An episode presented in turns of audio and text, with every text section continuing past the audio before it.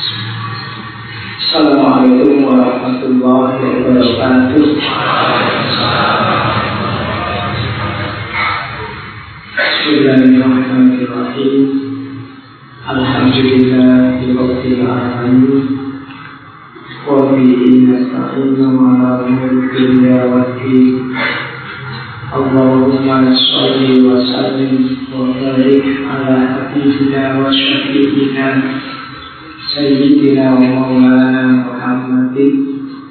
wa ala alihi wa ashabihi wa man tabi'ahu bi ihsanin ila yaumiddin. Alhamdulillah malam hari ini kita bisa melanjutkan kegiatan ngaji filsafat kita Alhamdulillah juga bisa istiqomah sampai 200 kilo sekian. Ya seperti niatnya cari ilmu plus istiqomah. Nyari posisi yang enak santai saja. Ngantuk apa-apa. Tidur juga tidak apa-apa. Ya harus dipaksa-paksa ya. Jangan ngantuk emang-emang Ngantuk itu kan anugerah Kamu nyari ngantuk gak bisa Beli ngantuk juga gak bisa. Sekaya-kaya pun Seberapa pun uangmu Sekedar beli ngantuk saja gak bisa. Kalau dapat anugerah ngantuk itu Alhamdulillah Hanya orang menghabiskan uang jutaan Hanya karena gak bisa tidur. Oke Cuma kalau ngantuk pinggir sini aja biar gak nendang temennya Apa-apa hidup ini masih di depan yes. uh, Kita lanjutkan ya ngaji kita. Malam ini ada di tema doa. Tema yang mungkin tidak terlalu berat. Jadi sesi bulan pertemuan awal kita tema-temanya yang tidak terlalu berat. Minggu depan kita kas lagi ya. Karena kalau ngekas dari awal nanti nggak enak. Dari awal ya pelan-pelan. Kalau semangatnya muncul baru dikas Oke, saatnya kita berpikir Siapkan telinganya, siapkan akalnya. Biar nanti tidak menyesal. Karena ada ayatnya. Menyiapkan telinga sama akal itu Orang yang tidak mau mendengarkan, tidak mau menggunakan akalnya, besok dia menyesal. Di akhirat, wakolu laukunna nasma'u au nakilu makun nafi asal misalnya. Jadi besok ahli neraka itu mengeluh, menyesal. Seandainya kami mau mendengarkan, au nakilu atau mau berpikir pastilah kami tidak masuk neraka yang namanya mampu nabi asal bisa. Jadi makanya yang lebih penting dengarkan sambil berpikirlah. Itu mengapa tidak perlu ada live streaming. Live streaming kan pakai mata yang penting dengarkan. Dia nggak menyesal. Oke, tema kita doa. Kata Yusuf prayer kita mulai ya. Ada quote bagus prayer is the world greatest wireless connection. Di koneksi wireless yang paling dahsyat di dunia ini adalah doa. Kalian berdoa pada Allah kan wireless tidak ada kabelnya dan dahsyat bisa minta apa saja. Secanggih apa pun HP-mu yang bisa dideteksi oleh HP itu terbatas banyak hal yang tidak bisa. Tapi kalau kamu minta pada Allah apa pun bisa. Dalam bentuk apa pun juga bisa. Oh, Allah itu mahal segalanya. Dan kamu nggak perlu capek-capek. Nyari sinyal ke mana kamu nggak perlu capek-capek. Jangan-jangan baterainya habis. Pokoknya tergantung dirimu doa itu Mau enggak Sinyalnya selalu kuat. Tergantung kamu mau pakai apa enggak sinyal itu. Mungkin tidak sekedar 4G atau 5G tidak tahu Cina sudah berapa kalau doa itu. Pokoknya prayer is the word greatest wireless connection. Semoga yang hadir malam ini yang mendengarkan ngaji ini masih tergolong mau berdoa. Atau mungkin masih levelnya mau sih pak. Cuma kadang-kadang males. Mungkin ada yang begitu ya. Mau sih pak. Yang tidak males. Tapi kok ya sering-seringnya formalitas. Banyak orang doa itu apa kan panjang diulang-ulang. Tapi dia tidak itu kita apa itu kalau yang orang cinta kemudian hafal sekali dengan kalimat yang diminta lewat beritanya dan jadi sampai itu kita apa? Tidak ngerti ya Pak. Nah itu ada yang begitu. Oke tapi masih mau berdoa itu lumayan sekarang saya lihat jarang yang mau serius berdoa. Sudah tak seriusnya dia harus mau berdoa saja jarang Doa itu adanya di acara-acara formal. Kalau ada pembukaan apa atau penutupan apa, itu selalu mari kita tutup dengan doa.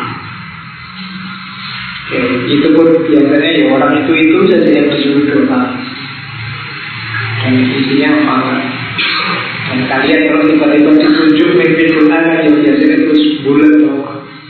Yang lainnya bukan apa-apa, tidak terlalu apa ya kan. Eh, jadi itulah doa.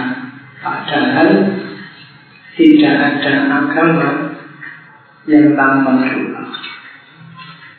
Semua agama menyebut bahwa koneksi kita dengan yang supranatural dengan yang mahal itu doa. Bahkan kalau dalam Islam sholat itu kan hakikatnya yang doa. Yang mengaji fikir pasti ngerti. Cuma malam ini kita tidak detailkan sholat, kita umum saja kita membincang masalah doa ketika kita berinteraksi langsung dengan Allah. Harusnya detik tiap detik hidup kita isinya dari doa ke doa. Kenapa? Karena Allah lebih tinggi dan kita lebih rendah. Hubungan antara yang lebih tinggi dan yang lebih rendah kan hubungan yang coraknya doa. Ada yang dominan memberi, ada yang butuh dan memohon. Oke, doa pelajaran. Doa yang pun dakwasan doa. Jadi menyeru, memanggil dakwah itu satu akar kata dengan doa. Jadi makna aslinya doa itu menyeru semua kepada Allah, kepada Tuhan disebut doa. Jadi permintaan pada yang lebih tinggi itu namanya doa. Bukan perintah. Kalau pada yang lebih rendah namanya perintah. Ambilkan teh itu perintah. Yang disuruh yang lebih rendah. Kalau yang lebih atas kan kamu nggak berani. Lalu dosenmu misalnya, Pak tolong ambilkan buku saya teh. Karena dosenmu lebih tinggi, kamu mohon minta tolong. Karena lebih tinggi. Kalau yang lebih bawah bisa dosenmu minta tolong ambilkan buku saya bisa. Itu doa itu mohon pada yang lebih tinggi. Kalau pada yang setara, kalau bahasa namanya iltimas. Bro, ambilin bukuku bro. Bahasa bukan. Nah, itu iltimas namanya, setara. Mau monggo, tidak mau silakan setara. Tapi kalau yang atas nyuruh itu kan biasanya kalau tidak mau bahaya. Nah kalau kita ke atas itu yang mohon. Kalau tidak dikabulkan, kita tidak punya kuasa untuk komplain protes. Itu doa. Jadi doa kita pada Allah itu ya dari bawah ke atas. Sebenarnya kalau tidak dikabulkan kita tidak punya daya untuk protes. Makanya kita berdoa disuruh pulang, disuruh pulang lagi. Kadang-kadang doa itu kalimat-kalimatnya kayak merayu. Ya. Kayak contohnya banyak. Kayak kita wahai yang maha bijaksana, wahai yang maha pengampun, ampunilah saya. Itu kan ada rayuannya. Kamu cakep deh, tolong dong. Nah itu kan ada rayuannya, gak cuma perintah, bu aku tolong. Nah, tapi ada rayuannya itu cara berkomunikasi dengan yang lebih tinggi. Bapak itu pintar, kalau ngomong enak, mudah dipahami, macam-macam. Nanti belakangan saya mau minta tolong pak. Nah itu sering kalau berdoa. Jadi doa juga begitu, kamu jangan ujuk-ujuk perintah ujuk-ujuk menyebut kebutuhan tapi ada awalannya. Makanya disuruh menggunakan asmaul husna disuruh menggunakan pengantar. Itu ada awalannya dan ujuk-ujuk ya Allah hukum ya Allah nah, itu ya Allah yang ngerti ini loh kurang sopan Oke, dua kosong saja itu dua kosong. Terus kesayangannya. Tidak dia didahului ya Allah, engkau maha pengusaha, maha penyayang. Kasihanlah kuluk ini dia terbeli. Itu kan ada pengantarnya, lalu terus permohonan. Oke. Nah, ini definisi-definisi kalau itu dari buku tinggal siapkan. Kita lihat filosofi-filosofinya saja. Yang pertama kita lihat bahwa kenapa sih kita harus berdoa? Doa itu sebenarnya isyarat bahwa kita hidup ini tidak bisa kalau Allah tidak hadir. Jadi itu kalau pakai bahasa saya di situ keniscayaan doa itu karena kondisi eksistensial manusia. Kita ini kayak jago. Kita mengklaim diri sebagai makhluk paling utama di dunia. Tapi sebenarnya hakikat hidup kita itu lemah. Makanya Allah menyarankan selalu kayak di al Allah bersomat. Kamu harus bersandar pada waktu satu-satunya tempat bersandar. Jangan bersandar ke yang selain Allah. Jadi anggap saja hidup ini ada tiga variabel Allah, manusia, kemudian makhluk yang bukan manusia. Jangan bersandar yang selain Allah. Kenapa? Ya karena semuanya ada di level bawahnya. Sesama manusia ya kalau masih sama-sama manusia masih sama lemahnya. Makhluk selain manusia justru lebih rendah levelnya dibandingkan manusia. Maka jangan bersandar ke yang lebih lemah. Bersandarlah satu-satu kepada Allah. Kenapa sih manusia itu lemah dan bisa disandari? Jangankan di tempat bersandar untuk mengandalkan dirinya saja tidak bisa. Karena manusia itu punya karakter yang pertama tidak berdaya, yang kedua tidak pasti, yang ketiga terbatas, dan yang keempat banyak ketidakmungkinan ketidakmungkinan. Manusia itu tidak berdaya. Kamu sekuat-kuatmu tidak makan tiga hari juga habis. Padahal ada binatang yang bisa berbulan-bulan tidak makan. Beruang itu dia bisa apa? Yang di dalam gua berbulan-bulan setelah banyak makan dia masuk. Ya jadi manusia lebih lemah itu dalam banyak hal kita lemah. Ngomong gini aja tidak ada. Setengah jam sudah ingin minum. Tidak apa-apa ya. Ini memang kita makhluk yang lemah.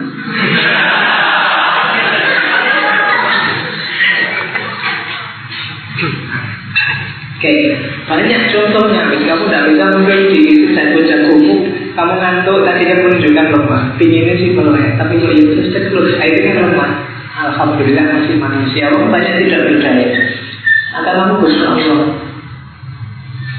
Pinginnya sifat saya lembur, kira-kira seminggu, terus minggu depan skripsiku jadi. Dengan mampu begitu. Kayak ya ya, oh Tapi terus Baru malam pertama buka buku tak lembar ngantuk urusan apa tidak salah. Itu menunjukkan betapa kita lemah. Ciri pertama, ternyata manusia banyak tidak berdaya. Yang kedua tidak pasti. Skripsi jadi seolah-olah beres, tapi tidak begitu besok lagi ketemu dosennya diosak tapi hancur lagi. Ternyata tidak pasti. Kamu merasa sudah beres, sudah melek masih urusan Kamu sudah merancang nanti habis bisa mau berangkat ke masjid ngaji. Sudah dirancang begitu, ya tiba-tiba ada yang nelfon. Yang jemput aku. Bisa. Jadi, tidak pasti. Kamu mati-matian lulus kumlot Begitu lulus kumlot bingung lagi kan? Temenmu yang lulus nilai pas-pasan Begitu lulus dia tiba-tiba dapat kerjaan. Tidak pasti. Kamu tidak bisa ternyata menguasai hidupmu sendiri. Kamu merasa paling cakep. Kalau berkaca kamu merasa bangga luar biasa. Tapi temenmu sudah punya anak tiga Kamu masih jomblo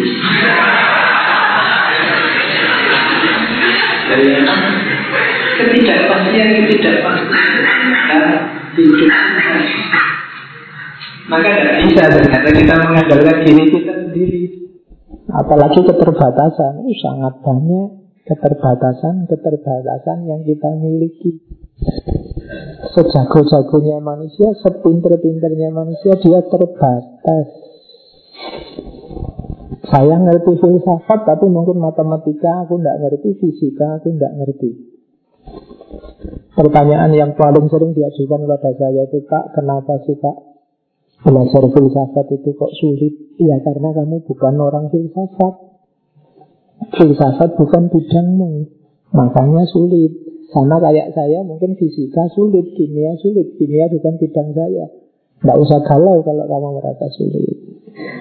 Bapak saya masih filsafat loh Pak. Saya sampai S2 ini filsafat terus. Oh, Berarti kamu ya terbatas akalnya.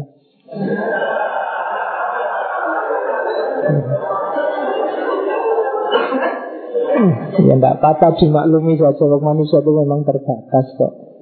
Ada batasnya. Tidak ada yang tidak terbatas.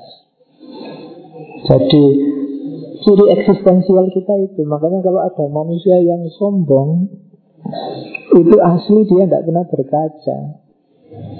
Sedahsyat apa dia sampai sombong? Wong ya keterbatasannya banyak. Orang merasa ganteng yang lebih ganteng banyak. Merasa jelek yang lebih jelek apa lagi? Lebih banyak. Tidak ada. Jadi setiap orang terbatas. Dan banyak hal yang tidak mungkin Kamu tidak bisa sesukamu Pokoknya. 2019 ini presidennya harus saya. Tidak mungkin. Iya, tidak mungkin. Banyak hal yang tidak mungkin. Pak saya saya ingin nikahnya itu sama artis yang Korea yang itu tidak mungkin. Jadi kita itu terbatas, tidak mungkin, tidak pasti, tidak berdaya. Itu kalau kamu mengandalkan dirimu sendiri, kamu akan putus asa. Ternyata belajarmu yang tekun, kamu yang jadi orang baik bertahun-tahun, jadi tidak ada jaminan semua. Diri kita ini ternyata sama sekali tidak bisa diandalkan tanpa bantuan yang di atas. Maka jalan satu-satunya adalah kita harus selalu connect dengan yang di atas untuk mengatasi ketidakberdayaan, ketidakpastian, keterbatasan, ketidakmungkinan. Satu-satunya jalan adalah mohon ke atas yang menguasai segalanya. Oke, jadi kuncinya di situ. Kalau ada orang tidak mau berdoa, Berarti dia tidak sadar tentang semua kelemahan dirinya sebagai manusia. Lanjut. Nah, Berarti dalam doa itu ada apa saja variabelnya ada tiga. Itu kenapa doa itu sangat disukai oleh Allah. Allah memerintah-merintah kita untuk berdoa. Itu kan kita harusnya malu. Jadi yang maha kuasa, maha segalanya malah mendorong-dorong kita, ayo mintalah. Udu'uni astajib lakum tak kabulkan. Allah sudah segitunya kita jual mahalnya luar biasa. Ya kan? Wa idza sa'alaka ibadi anni fa inni qarib ujibu da'watad da'i idza da'ani. Katanya Allah kalau ada hambaku tanya tentang Allah, tentangku Maka aku dekat Dan aku kabulkan, aku jawab Setiap doa Puji dakwat da'i Setiap orang yang berdoa ibadahani Kalau dia meminta padaku Kalau dia berdoa padaku. Jadi ternyata Bukan kita yang mendorong-dorong biar Allah mengabulkan tapi Allah sejak awal juga ayo berdoalah. Itu menunjukkan bahwa kunci komunikasi dengan Allah itu ada di doa Allah suka orang yang berdoa karena di situ ada pernyataan keimanan. Orang yang berdoa berarti dia mengakui bahwa Allah tempat meminta Allah tempat disembah Allah yang maha kuasa Jadi Makanya Allah suka Dalam doa ada pernyataan keimanan Orang menegaskan level dirinya di hadapan Allah melalui doa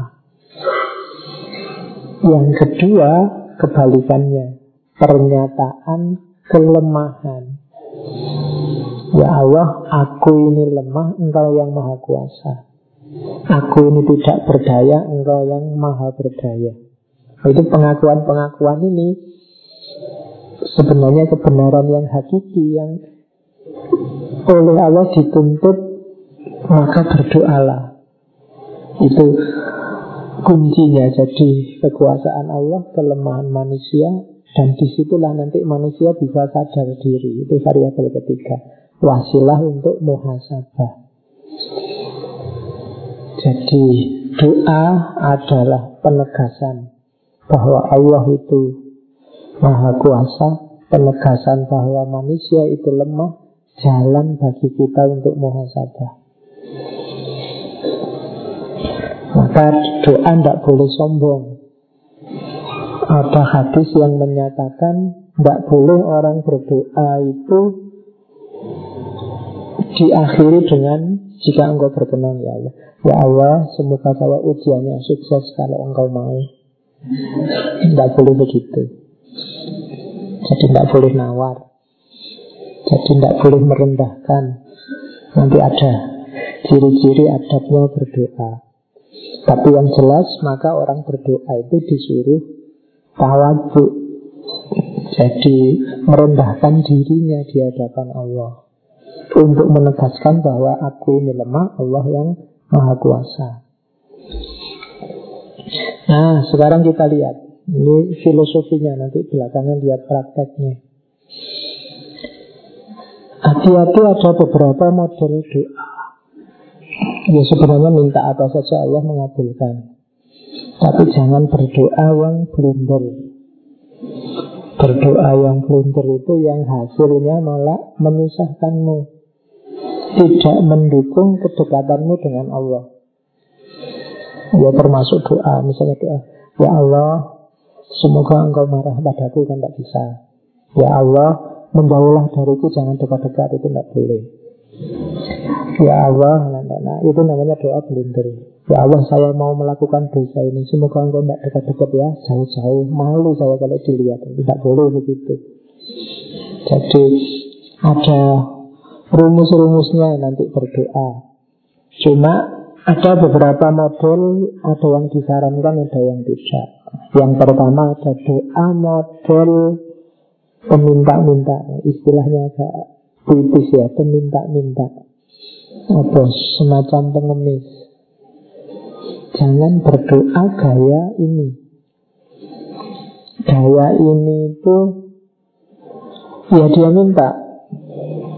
Cuma doa yang membuat malas. Jadi selalu meminta tapi dia tidak sungguh-sungguh berdoa Karena doa itu kan komplementer dengan usaha. Ya Allah, saya ingin ujian besok bisa lulus terbaik. Tapi kamu tidak masuk ikut ujian. Ya, itu berdoa ya, minta kok Kalau ditanya, lo kok nggak masuk mas? Allah kan maha kuasa. Apa susahnya bagi Allah? Meskipun aku tidak ikut ujian nah, Itu doanya orang males Nanti kalau jodoh kan datang sendiri pak. Saya tidak usah nyari Ayo jomblo terus. Kalau jodoh berseliweran di depanmu Kamu diem aja. Kalau nggak dapat-dapat Allah yang dimarahi. Ya Allah di mana jodohku? Mulai sejak kemarin kamu ke mana aja? Ya Makanya saya sering bikin anak itu kan Ya jodoh di tangan Allah Tapi umur 40 ke atas Ya Allah lepas tangan sudah.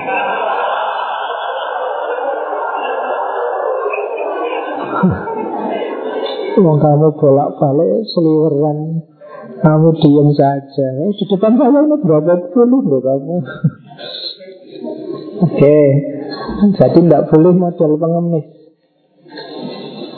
Iya doa Usahakan nanti Allah membantu hasilnya. Hati-hati doa model ini Berefek ke cara hidup etos kerja. Jadi hidup itu ya usaha didukung dengan doa. Dibalik boleh doa dilengkapi dengan usaha. Tidak boleh diem saja. Kalau tidak ada usahanya Loh Allah mau mewujudkan apa? Ya, jadi itu model doa yang pertama. Banyak orang yang tertipu di sini. Tapi saya yakin tak doa saya dikabulkan ya. Doa dikabulkan itu kan ada jalannya. Rintislah jalannya nanti Allah membuka hasilnya. Ingin punya uang ya kerja. Kan tidak mungkin jatuh dari langit uangnya. Nanti kamu kaget tiba-tiba uang jatuh. Kamu berdoa, ya Allah, 500 ribu jatuh.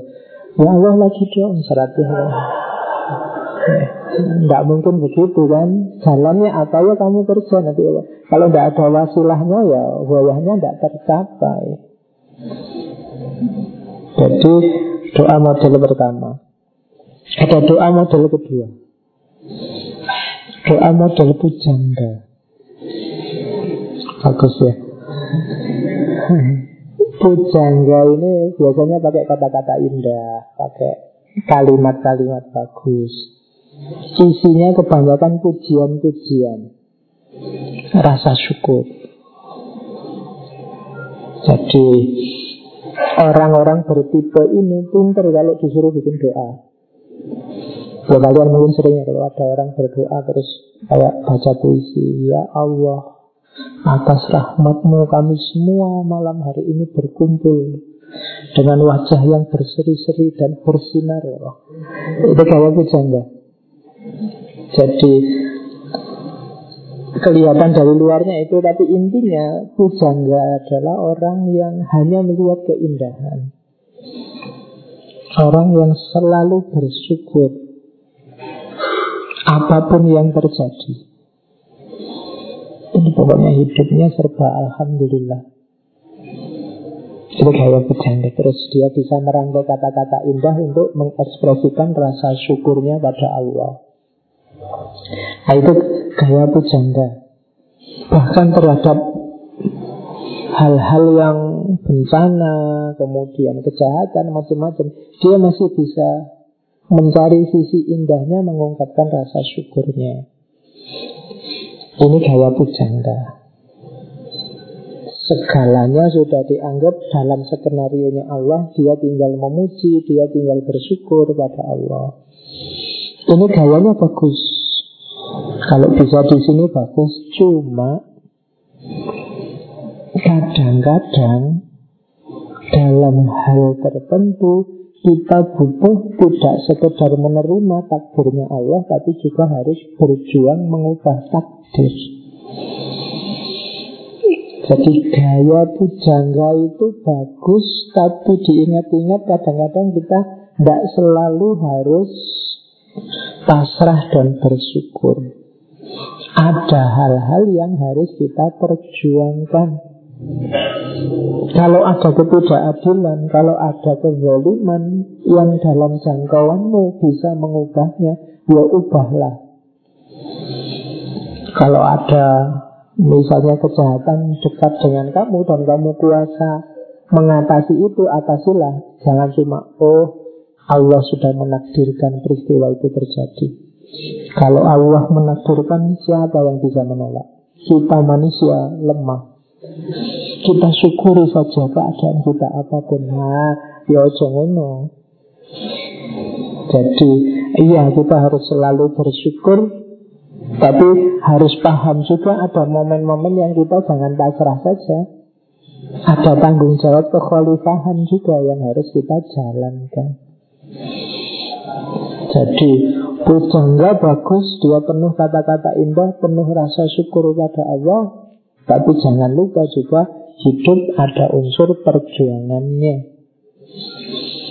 Ada unsur, ada tugas kekhalifahan juga untuk memelihara, mengontrol alam semesta. Allah mewakilkan pada kita manusia. Nah, itu model dua, model pujangga. Ada model ketiga kalau ini model eksistensial. Jadi tidak sekedar pasrah pada Allah. Kalau pasrah itu kan kita bergerak menuju Allah. Tapi model eksistensial ini hidup di dalam Allah. Jadi menghidupkan kehendak Allah, menghidupkan keinginan Allah, bersyukur ya, tapi juga berusaha memperbaiki dirinya dengan semangat menjalankan amanat Allah. Jadi itu berarti eksistensial. Gaya berdoa yang eksistensial itu gaya berdoa yang anytime kita bersama Allah, kita dialog terus, berkomunikasi terus, dan menghidupkan keinginannya Allah dalam kehidupan kita sehari-hari. Makanya tadi saya bilang setiap detik kehidupan kita itu harusnya berdoa. Mau belajar berdoa. Mau ngaji sini Allah diajak sambil berdoa ya Allah. Mau minum juga tadi ya Allah saya mau minum untuk menghilangkan haus semoga engkau meridai. Pokoknya Allah terlibat terus detik demi detik kehidupanmu. Itu namanya eksistensial. Jadi mengajak Allah bersama Allah di ruang dan waktu kapan pun. Itu jenis doa yang ketiga. Jadi Orang yang sudah bisa ada di level ini Setiap detik kehidupannya Selalu bisa connect dengan Allah Yang saya tadi sebut Sinyalnya sangat kuat dia Jadi apakah dia ngantuk, apakah dia bangun tidur, apakah dia makan, apakah dia minum, apakah dia selalu dia connectnya sama Allah. Nah ini namanya model eksistensial. Berdoa secara eksistensial. Allah mewarnai eksistensi kehidupan kita sehari-hari. Jadi kita juga beribadah, bersyukur, tapi juga berjuang, berusaha sebagai khalifah secara eksistensial. Oke, jadi ada doa model peminta-minta, ada doa model pujangga, ada doa model eksistensial. Selama ini kita ada di mana?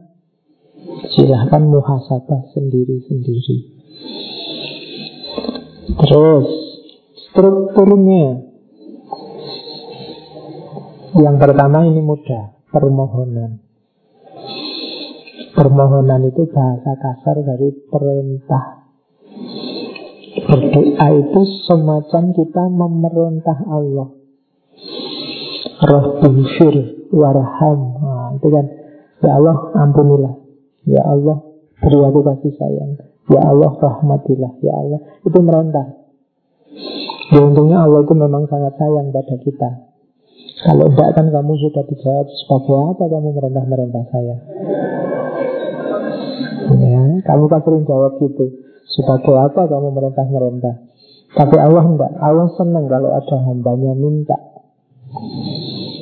Jadi ingin diberi sesuatu atau dilindungi dari sesuatu. Itu gaya pertama. Itu di situ saya contohkan doa dari surat Hud. Mungkin ada yang mau menggunakan doa ini. Rabbi inni a'udzubika an as'aluka ma laisa bihi ilmun. Ya Allah, aku berlindung padamu untuk meminta apa-apa yang aku tidak tahu. Jadi malai sali bihi ilmun. Ya Allah, semoga saya jadi presiden. Presiden itu apa sih? Tidak tahu saya. Itu malai sali bihi ilmun. Kamu tidak ngerti, tidak ngerti kok minta. Ya Allah, hancurkan dia, runtuhkan dia. Ya, kamu ngerti tidak duduk persoalannya, tidak tahu. Malai sali bihi ilmun. Semoga aku tidak minta padamu yang aku tidak tahu ini minta apa, manfaatnya apa, gunanya apa, mudorotnya apa. Wa illa Tangfirli wa tarhamni akum minal khosirin. Kenapa sih jangan minta yang tidak tahu? Karena kalau minta yang tidak tahu itu bisa jadi kita jatuh dalam kerugian. Minal khosirin. Kalau Allah tidak mengampuni dan memberi rahmat kita. Nah, ini doa dari surat ini memerintahkan Allah untuk lindungi aku dari meminta yang tanpa ilmu. Kalau ini ya kayak tadi merintah yang setengah rayu. Rabbi syur warham wa anta khairur rahimin. Ya Allah ampunilah, sayangilah, engkau yang maha penyayang. Tolong ambilkan minum, engkau cakep deh. Nah, itu cara minta yang semacam itu. Jadi ini struktur doa yang pertama. To mohon inginnya apa, keinginannya apa, sampaikan. Jangan khawatir, tetap untuk ini astajib lagu. Allah suka kalau dimintain apa-apa. Oke, terus ini gaya pertama. Gaya kedua, gaya munajat. Munajat itu kalau bahasanya anak gaul hari ini mungkin semacam curhat tidak terang-terangan minta tapi di balik itu ada permohonan. Misalnya yang pertama itu itu Ali bin Abi Thalib. Ilahi la in wa jannat ati fa'afuka an zambi ajalli wa awsa. Katanya Ali bin Abi Thalib, wahai Tuhanku, meskipun telah nyata, meskipun telah banyak salahku, tapi ampunanmu pada dosa-dosa lebih cepat dan lebih luas. Nah itu kan tidak ada mintanya, dia tidak minta. Dia cuma bilang aja, ya Allah, dosaku banyak, sudah terkumpul di mana-mana. Tapi aku yakin ampunanmu lebih luas dan lebih cepat. Nah, ini kan kayak orang curhat. Kamu ini orang ganteng, kamu ini orang baik, anak soleh. Karena yang dibilangin situ kan terus mikir, oh ya kamu butuh uang berapa? Gitu. Jadi kamu tidak minta aja langsung tanggap. Allah tahu kan apa yang ada dalam hatimu. Tapi ini gayanya gaya curhat. Sama kayak itu yang nomor dua. Kalau ini Robi'ah. Kemarin waktu Robi'ah kayak Allahumma ja'alil jannata li ahibbaika Wana li a'daika Amma ana fahasbi anta Bukan curhat. Ya Allah, dia tidak berdoa untuk dirinya sendiri. Ya Allah, jadikanlah surga untuk para pecintamu dan neraka untuk musuh-musuhmu. Sedangkan aku, aku telah cukup dengan engkau. Oh, ini kan tidak minta apa-apa dia. Aku engkau saja ya Allah. Wong Allah itu punya segalanya, ngerti segalanya. Tidak minta juga Allah tahu. Jadi meskipun cuma melipir-melipir, nyindir-nyindir, ngomong apa gitu kan. Kamu sudah tahu. Kalau temenmu gitu kan kamu ngerti. Ini ngomong ini paling ada maunya, ngerti aku. Itu temen, apalagi Allah. Jadi gaya semacam ini namanya munajat. Kalau yang terakhir itu anu, apa ilah dari Ilahi ma akrobaka minni Wama apa adani angka Wa ana ahwaju ma akunu ilaika.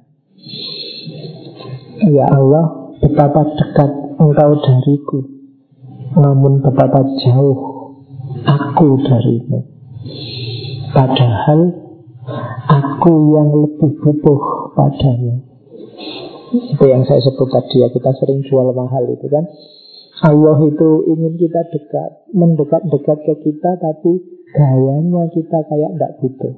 Padahal harusnya kita sangat butuh sama Allah. Jadi ma akrobaka minni wa ma angka. Kok aku ini selalu menjauh darimu ya Allah? Engkau mendekat-dekat terus. Tiap hari manggil-manggil. Tapi aku menjauh-jauh terus. Padahal aku sangat butuh denganmu dibandingkan engkau padaku. Tidak mungkin Allah butuh kita. Allah maha kaya. Jadi sebenarnya yang kalau dari sisi kebutuhan kita yang butuh. Cuma yang mendekat-dekat manggil-manggil selalu ke Allah. Nah, itu munajatnya Imam atau Ilah Sakandari. Ini gaya semacam ini namanya munajat. Rasulullah juga pernah munajat. Kalau ada yang mau Tiba-tiba tadi saya sisipkan hadis tentang munajatnya Rasulullah waktu beliau ini fase paling pahit dalam kehidupannya Rasulullah. Setelah ditinggal meninggal oleh Abu Talib. Itu ada hadis riwayatnya Abdullah bin Ja'far. Setelah Abu Talib meninggal Rasulullah berangkat dakwah ke Taif jalan kaki. Cuma di sana nanti dilempari batu, ditolak, mengalami penderitaan yang luar biasa di sana. Terus Nabi di situ punya hadisnya, Fa'ata Willa sajaratun fasolla rakaat ini Nabi istirahat di bawah pohon Sholat dua rakaat kemudian kola Ini yang saya sebut bermunajat Jadi tidak minta apa-apa Cuma mengadukan masalah. Allahumma ilaika asku Di'fa kuwati Ya Allah Aku mengeluhkan Aku mengadukan Lemahnya kekuatanku. Wakillata khilati. Dan sedikitnya dayaku. Wahawani alim alam nas. Dan kehinaanku di mata manusia. Ya arhamar rahimin Anta arhamu bi Wahai yang maha Rahman rahim. Engkau pasti menyayangiku. Ilaman takilni Bila aduin Yatahajamuni Yatajahamuni Am ila koribun malak tahu amri. Kepada siapa pun Engkau bawa aku pada orang yang akan menyiksaku, menyerangku, atau kepada orang yang akan mengurungku, memilikiku. Ini kalimat selanjutnya sangat terkenal. In lam takun wabana alayya fala ubali. Jadi katanya Rasulullah, ke mana pun kau bawa nasibku, kepada orang yang akan menyiksaku, orang yang akan mengurungku, terserah saja kalau engkau tidak murka padaku ya Allah Maka aku tidak peduli. In lam takun wabbana alaiya Sala ubali Ghura anna afiyataka hiya awsa'uli Selain bahwa ampunanmu pasti lebih luas bagiku. A'udhu binuri wajhikal lahu asyraqat lahu Aku berlindung pada cahaya wajahmu yang menyinari kegelapan. Wasoluha alaihi amrut dunya wal akhirah Dan menjadi beres segala urusan dunia dan akhirat. Antum zilabi untuk tidak engkau turunkan padaku hubbaka murkamu Autahullah alaiya suhtuka Atau jatuh padaku murkamu Lakal ubba hatta Aku hanya akan merengek Aku hanya akan merayu padamu Sampai engkau rubah Wala haula wala quwata illa dan tidak ada daya dan tidak ada kekuatan kecuali darimu karenamu. Nah, ini munajatnya Rasulullah. Kalau teman-teman sedang punya masalah besar yang kita tidak punya daya apa-apa untuk mengatasinya, boleh digunakan. Ini munajat dari Rasulullah. Kalau merasa semua jalan buntu, gunakan munajat ini untuk mendekat ke Allah. Ini sudah dicontohkan oleh Rasulullah. Rumusnya In lam takun wadbana alayya fala ubali Maksudnya apa? Jangan murka padaku ya Allah. Aku ini memang lemah Aku ini memang hina di mata manusia yang lain. Tugas-tugasku masih belum beres semua. Jangan murka padaku Dan aku yakin ampunanmu lebih luas Dari semuanya. Nah ini contoh munajat. Ya, sering-seringlah munajat sama Allah untuk menjalin kedekatan. Kalau hanya minta itu bagus, tapi memohon itu menunjukkan masih ada jarak. Beda kalau sudah curhat itu menunjukkan kedekatan. Kalau begitu kita bisa ngobrol, dikit-dikit ngobrol, dikit-dikit, itu akan dekat dengan Allah. Jadi sering-sering ini latihan latihan curhat sama Allah. Boleh ditulis, boleh diucapkan, boleh diungkapkan. Tidak apa-apa nanti malam-malam kamu munajat sama Allah. Kalau temenmu ini anak ngomong sendiri Jangan-jangan. Biar aja dianggap gitu. Yang ini sedang kita, kita sedang asyik sama Allah. Oke, gaya kedua doa munajat. Gaya ketiga ini populer ya, pikir. Pikir ini memohon pada Allah biasanya diwakili dengan menyebut nama-namanya Allah atau memuji Allah. Jadi pikir itu kan dari kata-kata ingat pada Allah Sifat-sifatnya, kehadirannya, kesuciannya, kemaha terpujiannya maha besarnya Kemudian ingat ini diungkapkan dengan kata-kata Atau ditegaskan tidak dengan kata tapi dalam kalbu, dalam hati. Itu zikir. Apa zikir? Doa ya. Konotasinya zikir itu doa. Misalnya Asmaul Husna. Itu kan diucapkan sesuai kebutuhanmu. Kalau butuh ketentraman, kasih sayang, cinta, rohman, rohimnya yang sering disebut. Untuk keadilan ya sebut aja nama Allah. Al-Adlu.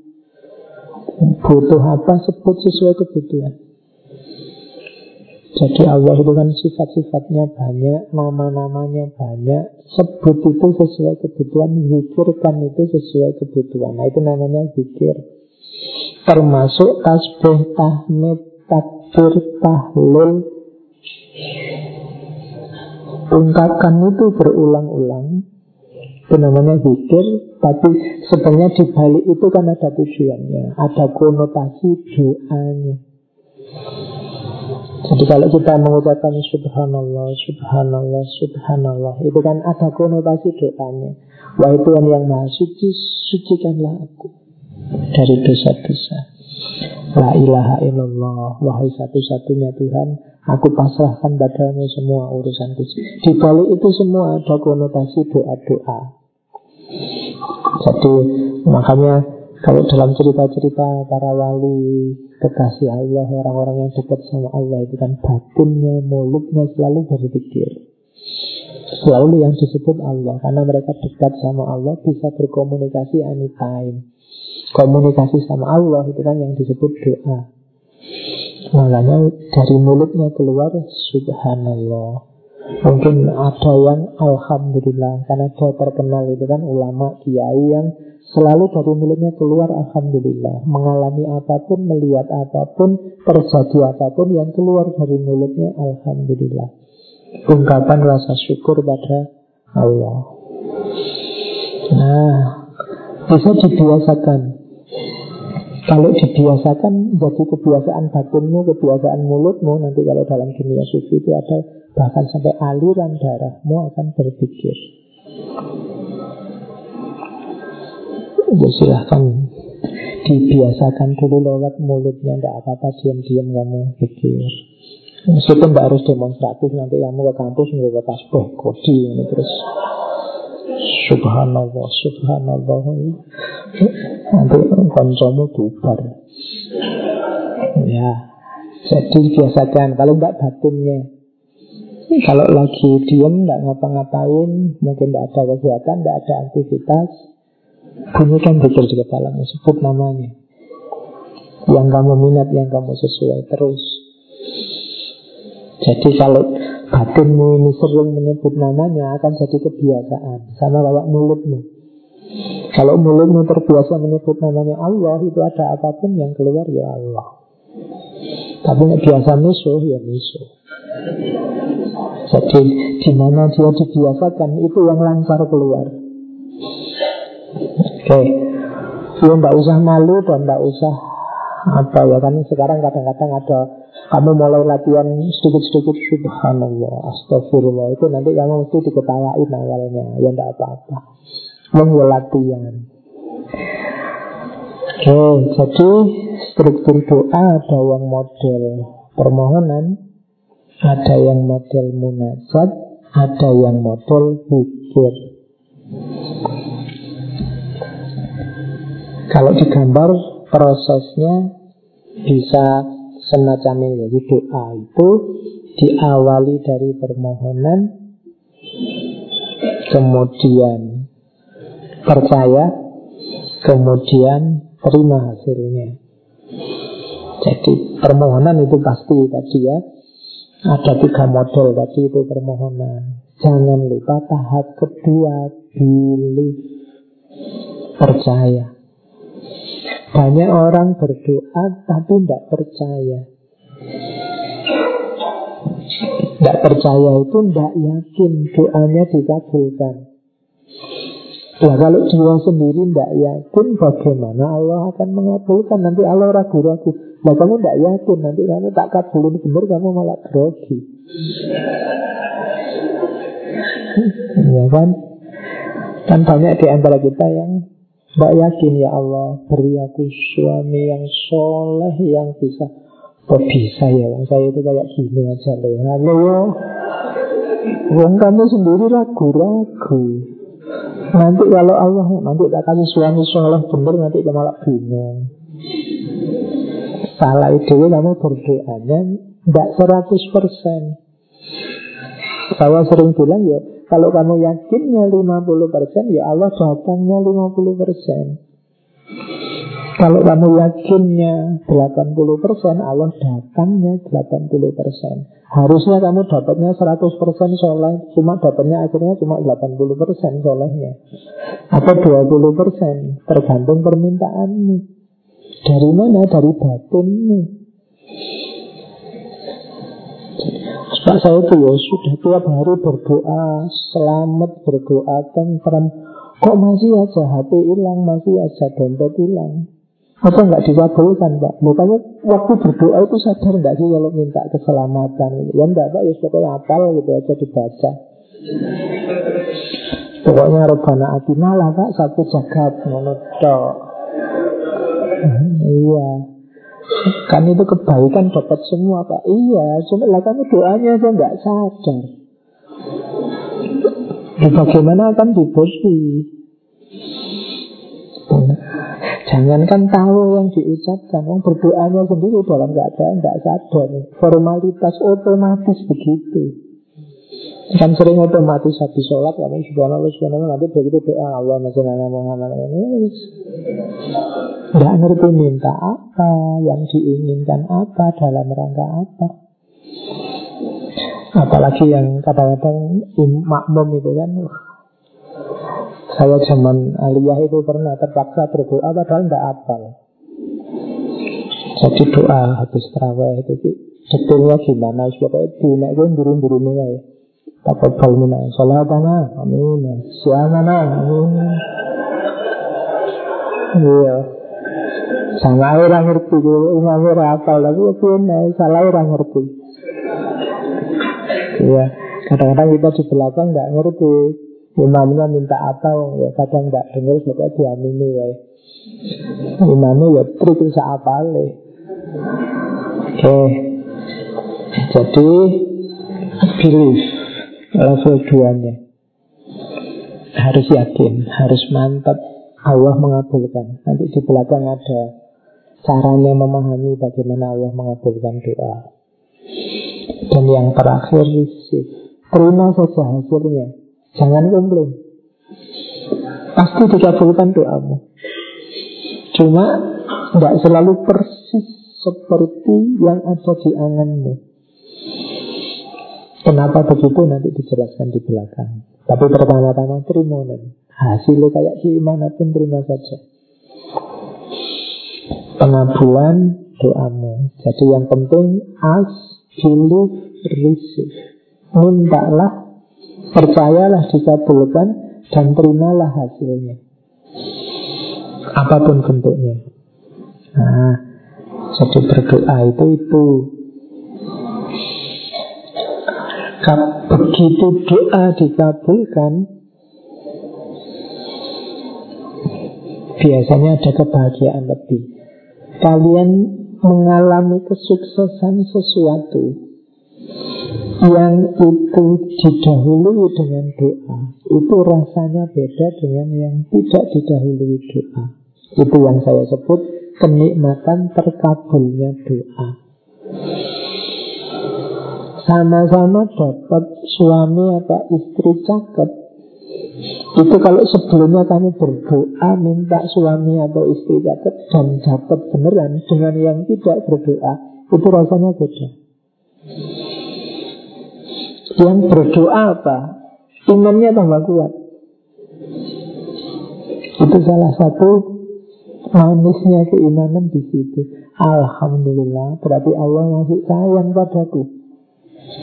Allah perhatian padaku. Itu luar biasa, rasa semacam ini luar biasa.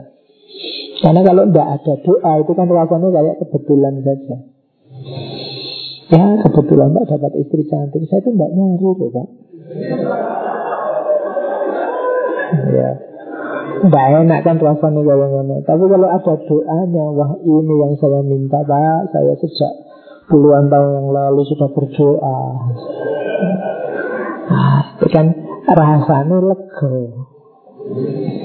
Jadi salah satu bukti dari keimanan Buah manisnya iman kita Kemudian yang kedua ada efeknya Efeknya apa? Oh, berarti benar Kita harus Satu-satunya tempat bersandar hanya Allah Kalau dikalkulasi rasional Tidak mungkin saya bisa dapat yang ini Wong saya cuma gini aja kok itu kan ada ada kebebasan dari yang non ilahi. Jadi doa dikabulkan itu saat itu juga kita punya keyakinan bahwa memang tidak boleh tergantung sama dunia. Yang menentukan segalanya itu Allah. Itu jadi orang mengalami kebebasan. Ah, berarti mulai besok-besok Aku tidak akan bergantung lagi pada apa pun selain pada Allah. Buktinya sekarang ini. Keinginanku dikabulkan. Eh. Yang ketiga dan keempat ini mirip kedekatan, perhatian dan ridhonya Allah. Berarti Allah perhatiannya sama aku Apa sih istimewanya aku ke Allah Selalu memberikan perhatian padaku. Itu rasanya luar biasa. Kamu diperhatikan dosen aja kan seneng, apalagi merasa diperhatikan Allah. Ya kecuali diperhatikan dosen karena nggak lulus-lulus nggak pernah masuk. Ya. Jadi kamu merasa, oh Allah mengerti kebutuhanku, apa yang aku minta diberikan. Itu kedekatan dan perhatian dari Allah. Itu rasanya enak. Dan yang terakhir, kamu yakin Allah ridho dengan pemberiannya. Kalau yang tidak didahului doa, kamu harus kalkulasi-kalkulasi dulu. Ini kira-kira Allah ridho enggak ya? Tapi kalau diawali dengan doa dan terbukti cocok dengan yang kamu doakan selama ini, kamu bisa cepat yakin bahwa oh Allah ridha karena ini cocok dengan doaku selama ini. Allah meridhai makanya diberikan. Nah ini di antara kenikmatan terkabulnya doa Maka berdoalah yang banyak tentang hal apa pun Kalau tidak bisa sampai betul Ya doa lebih lebih luas, lebih bagus Karena nanti kena semua Ya Allah berikan aku hidup yang aman, nyaman. Ini kan lebih luas. Daripada sangat spesifik. Kalau sangat spesifik kamu butuh menyebut banyak hal.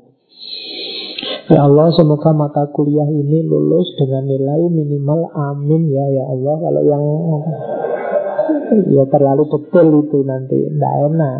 Lebih enak umum. Misalnya Ya Allah semoga studiku sukses. Nah itu nanti manifestasi apa saja dari studimu yang menunjukkan keberhasilan bisa kamu sambungkan dengan pengabulan doamu tadi. Itu lebih luas. Jadi biar apa? Biar bisa merasakan nikmatnya terkabulnya doa. Oke, terus Nah, sekarang ada beberapa filosofi doa yang harus kita cermati. Yang pertama dari Soren Kierkegaard, filosof eksistensial. Katanya Kierkegaard, prayer does not change God, but it changes him who prays. Jadi ada yang mengkritik doa itu. Loh, kalau orang berdoa kemudian dikabulkan Itu apa berarti Allah berubah pendirian? Maksudnya Allah ini bisa dipengaruhi. Yaitu kalau dalam filsafat jawabannya banyak. Jadi yang pertama ya Allah itu ada yang bilang, enggak, Allah tidak dipengaruhi Karena semuanya sudah dalam skenario nya Allah. Itu jawaban pertama. Termasuk kamu berdoa, itu skenario nya Allah. Kamu berdoa dan nanti dikabulkan Itu skenario nya Allah. Kalau Allah tidak ingin memberikan kamu A Batinmu tidak akan diarahkan untuk kamu berdoa meminta A kamu berdoa meminta A itu memang dirancang oleh Allah. Kamu besok akan dapat A. Itu jawaban pertama.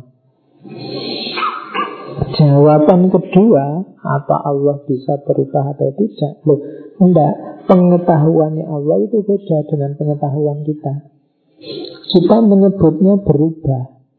Tapi sebenarnya tidak berubah Allah itu menakdirkan alternatif-alternatif dan kita yang milih.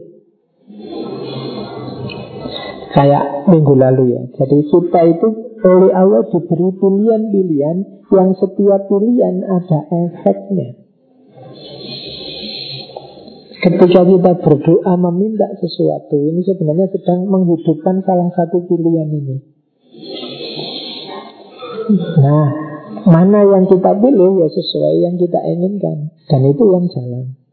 Mana yang tidak kita pilih akhirnya tidak jadi aktual. Jadi itu kayak tombol-tombol Mana yang kita pencet itulah nanti yang nyala. Dan semuanya masih dalam kerangka ketentuannya Allah. Nanti ada yang bilang Ini perspektif Perspektif itu ya dari sisi Allah Semua sudah ditentukan Tapi dari sisi manusia tidak. Pak, semuanya kan sudah takdir. Iya.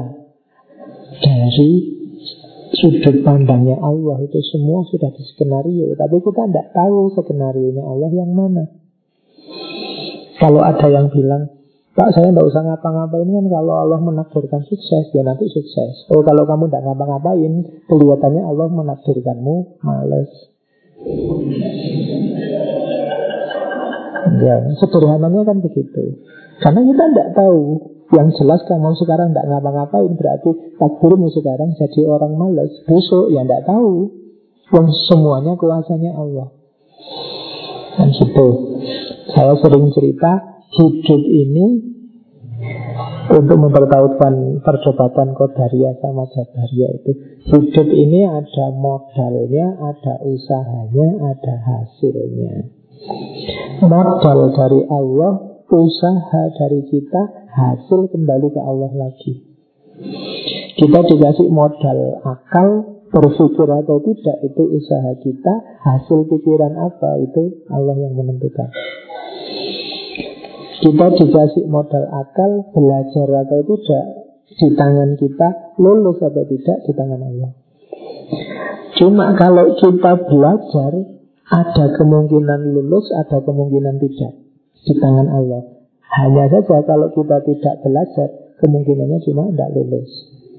Nah ini logika ini kalau di ilmu teologi namanya ini sunatullah. Jadi sunnatullah itu kalau kamu belajar bisa lulus, bisa enggak. Dan itu kembali ke Allah. Tapi kalau kamu enggak belajar ya kemungkinannya enggak lulus. Kayak kalau kamu kawin bisa punya anak, bisa enggak punya anak. Tapi kalau kamu enggak kawin, ya kemungkinannya tinggal enggak punya anak. Kalau punya anak berarti Iya, ya kawin bukan nikah loh, tapi contoh kawin. Orang kawin itu kan bisa punya anak, bisa tidak punya anak. Oke, jadi prayer, nah katanya kita God prayer does not change God, but it change him who prays. Jadi orang yang berdoa itu kamu tidak usah mikir, Pak ini mengintervensi Allah, ini mengubah Allah, tidak usah mikir ke sana. Doa itu yang jelas mengubahmu yang berdoa. Tadi loh, doa itu membuat orang sadar tentang dirinya. Yang banyak kelemahan, yang tidak pantas sombong, yang mau tidak mau butuh pertolongannya Allah untuk memenuhi semua yang diinginkan. Ini loh yang berubah. Dari manusia yang merasa bisa apa-apa, sekarang tahu bahwa dirinya lemah. Nah itu kan nanti mengubah total perilaku. Makanya it change him Kamu akan berubah. Orang yang sadar dengan doa Sadar hakikat doa Tidak mungkin sombong. Kalau ada orang sombong Kok masih berdoa Itu kontradiktif Katanya kamu kuat, katanya kamu jago, kok masih minta-minta? Katanya kamu pasti benar, katanya kamu orang besar, katanya kamu sudah. Jadi kok masih minta-minta? Itu kontradiksi. Orang yang berdoa itu harusnya tawadu. Merasa lemah, merasa kurang, merasa tidak berdaya. Itulah perubahan yang didapat dari doa. Jadi prayer does not change God, but it changes him who prays. Ajaran kedua. Prayer is not asking, it is a longing of the soul. Kalau ini dari Gandhi. Doa itu hakikatnya sebenarnya bukan minta, tapi kerun, kerun, kerunduan, kerundian, kerunduan jiwa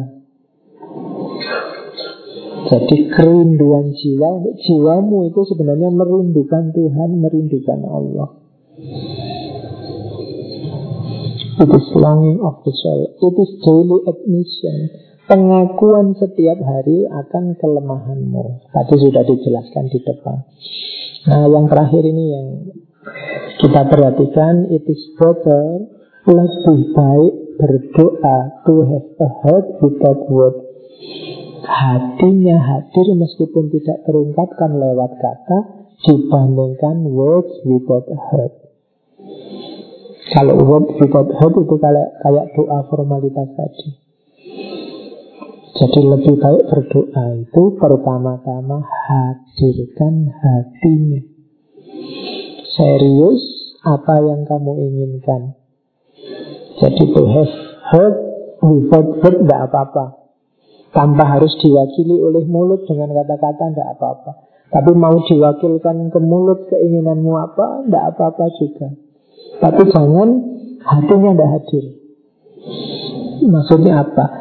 serius, mantep, jelas yang kamu inginkan. Itu namanya hatinya hadir.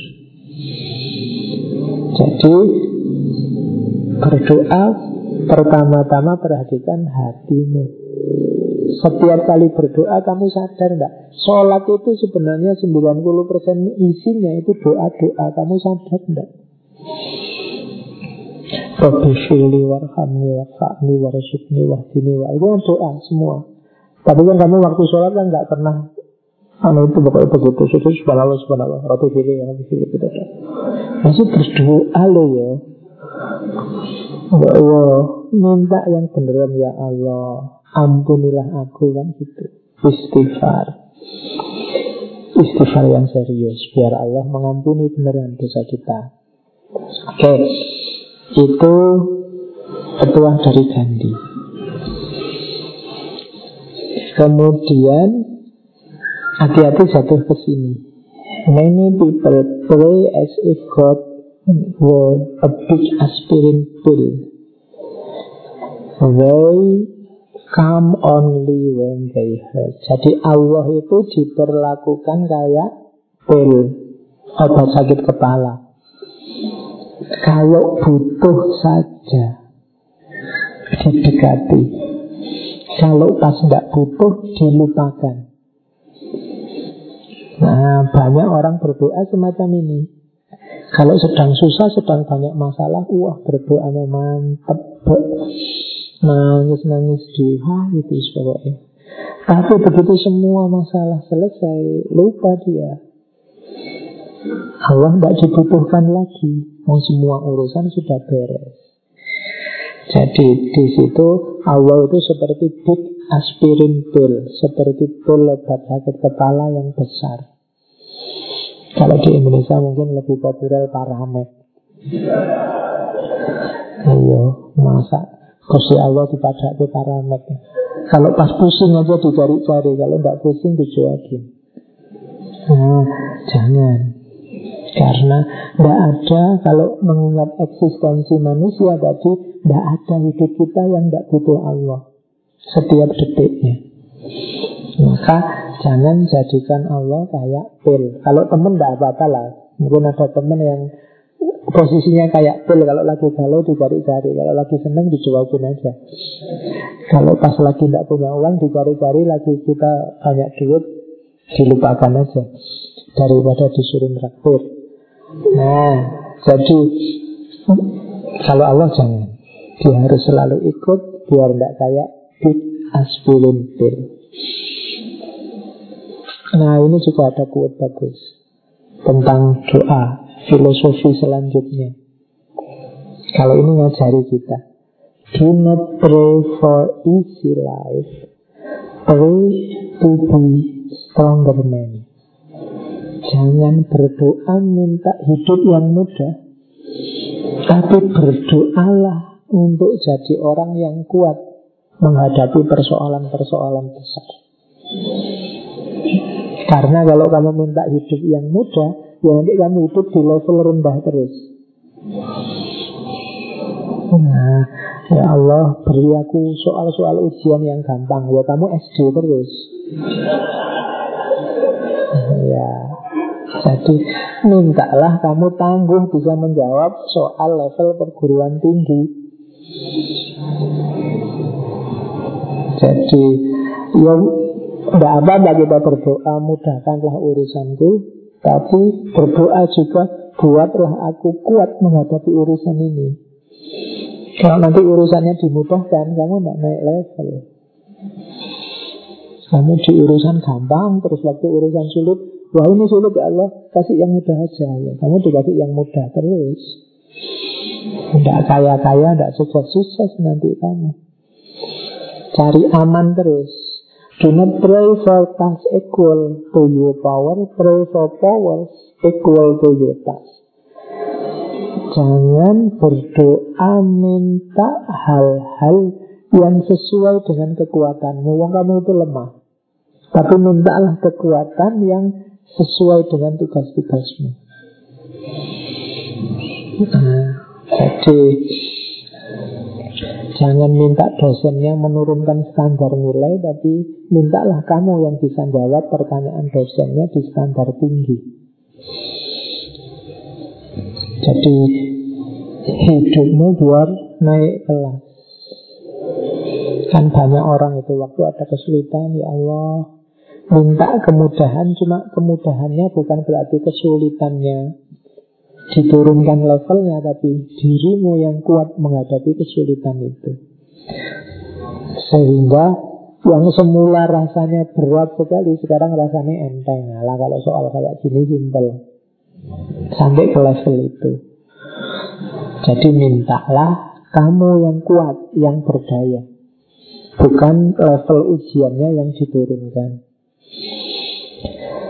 Oke, itu nasihat selanjutnya, filosofi doa yang selanjutnya. Kalau ini dari ini disebut sincerity prayer. Ini doa klasik, doa lama. Seorang teolog namanya Reinhard Niebuhr. Doa ini populer sekali. Isinya doa ini nanti ada beberapa filosofi di sini. Saya baca Indonesia-nya saya nanti daripada Telingamu keriting kalau balik dengerin Inggris.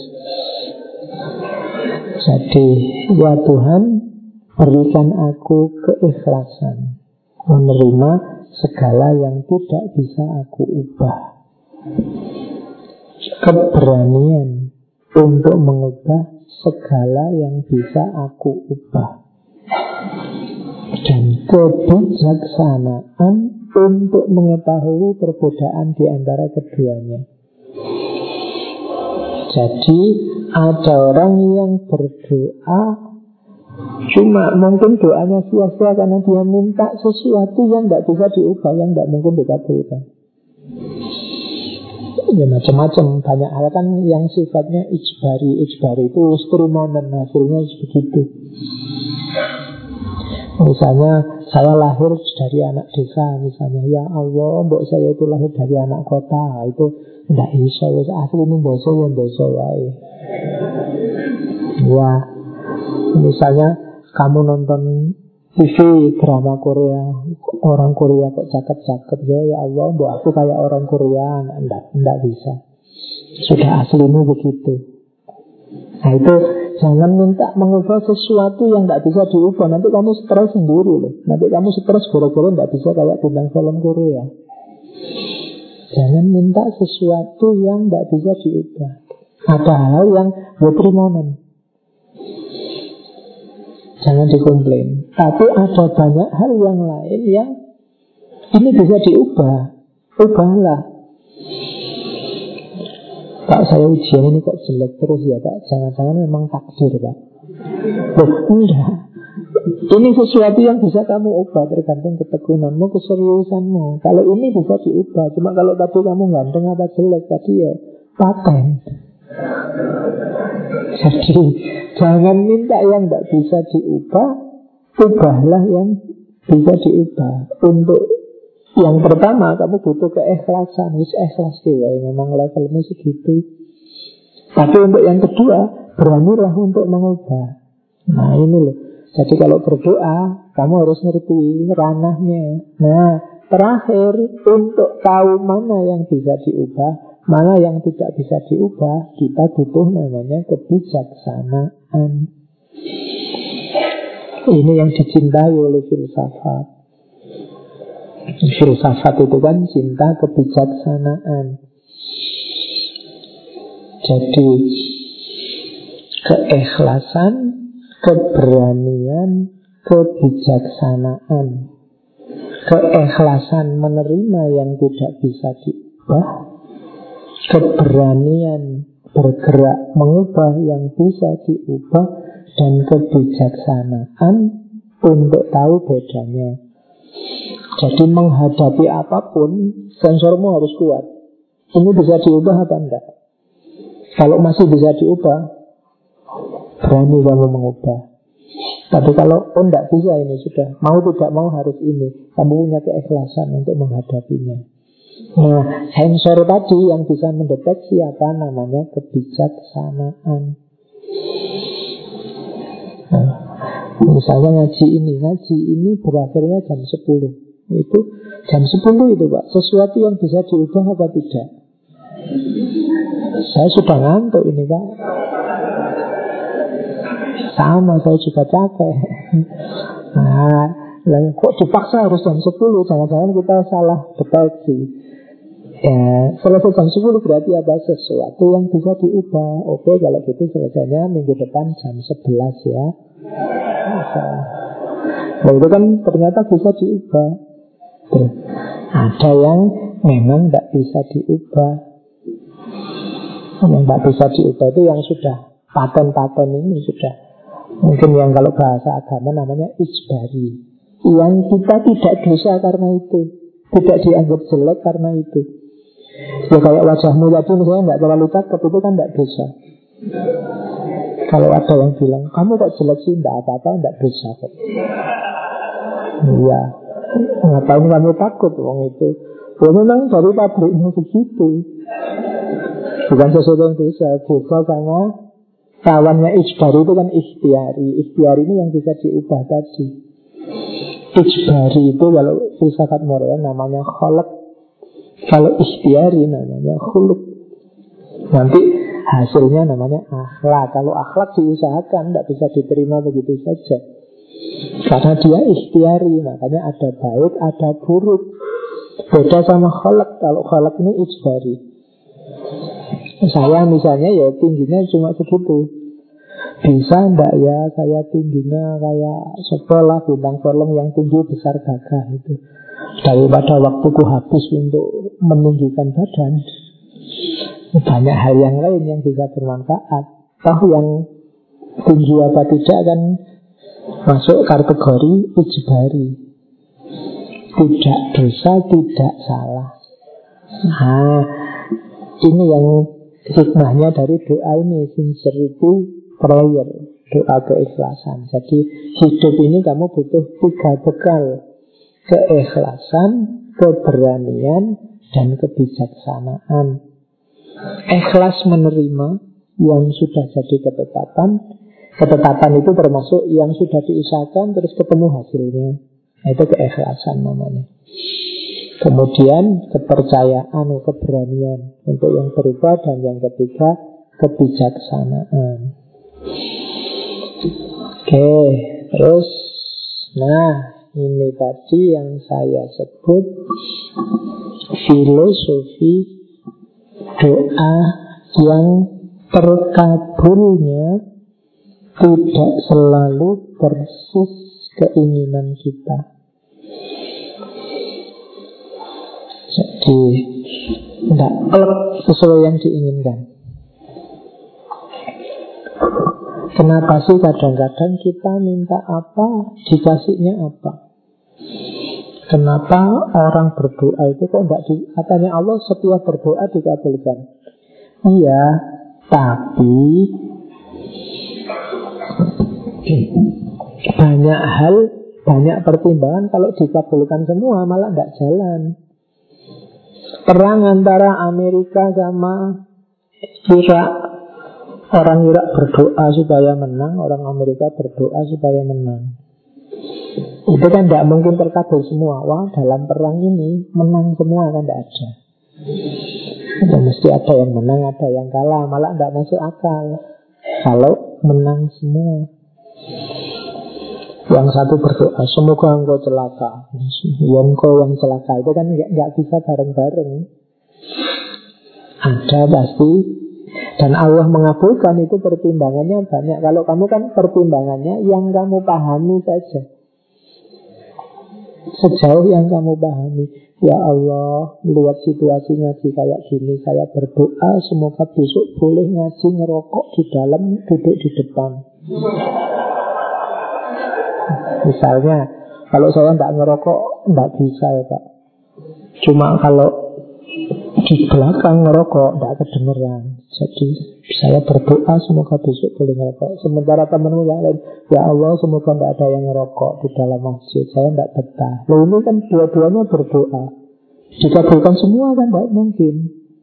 Tidak mungkin Oh di depan juga boleh juga tidak boleh Itu kan tidak mungkin kontradiksi Pasti ada yang dikabulkan ada yang tidak Atau mungkin dikabulkan setengah Pertimbangannya banyak Allah ngerti sekupnya luas Kamu minta ya Allah Semoga aku Lulusnya kumulat cepat, tercepat, terbaik gitu kan? Mungkin Allah mengabulkannya setengah Ya setengah kumulat, setengah cepat, setengah baik Iya. Kalau setengah-setengah itu ini loro berarti. Oke. Okay. Jadi Allah ngerti detail semuanya. Kita kan ngerti detail kepentingan kita saja. Jadi doa itu selalu dikabulkan. Tapi pengabulannya tidak selalu versi kita, bisa versi Allah. Misalnya apa wis perlombaan apa ya Allah aku minta menang. Yang sini juga minta menang. Oleh Allah dimenangkan yang ini, yang ini dibatalkan, nggak jadi menang, kalah. Ya Allah kok kalah ya? Mungkin Allah ngerti. Kalau kamu menang, nanti malah mudarat buatmu. Atau, loh, kamu tidak tak menangin sekarang. Sebentar lagi ada perlombaan lebih gengsi, menangnya besok. Itu Allah yang tahu kan. Kita ngertinya marah-marahnya hanya karena di pertandingan ini aku kalah. Makanya kalau nonton sepak bola Indonesia kok kalah terus? Oh belum. Itu mungkin. ya. Mungkin besok itu pertandingan yang lebih besar, yang lebih besar dari Piala Dunia mungkin Indonesia menang. Kalau cuma Piala Dunia belum. Nah, itu kan yang ngerti Allah kita tidak tahu. Ya. Oke. Jadi kadang-kadang kita ngertinya sekarang. Mungkin kamu nyari kerjaan di mana ditolak. Kamu kecewa luar biasa, marah-marah kamu. Ya Allah, dosa apa aku? Kurang apa aku kan kamu gitu. Padahal mungkin bulan depan ada lowongan lebih bagus, gajinya lebih besar, malah bosnya jatuh cinta sama kamu misalnya, lihat jadi yang kemarin kamu sesali, kamu kutuk-kutuk, kamu Alhamdulillah saya tidak masuk di yang kemarin, masuk yang sekarang. Tidak cuma dapat pekerjaan sak pabrik-pabrik eh. Loh, kenapa? Allah wawasannya jauh lebih luas dari kita. Pertimbangannya apa? Cintanya Allah sama kita. Tidak cuma dari segi pengabulan, dari segi waktu juga kadang-kadang kita sudah berdoa lama tidak dikabul-kabulkan. Siapa sih kita saya ngasih contoh ini. Tiba-tiba tadi saya ingat ada Nabi Zakaria.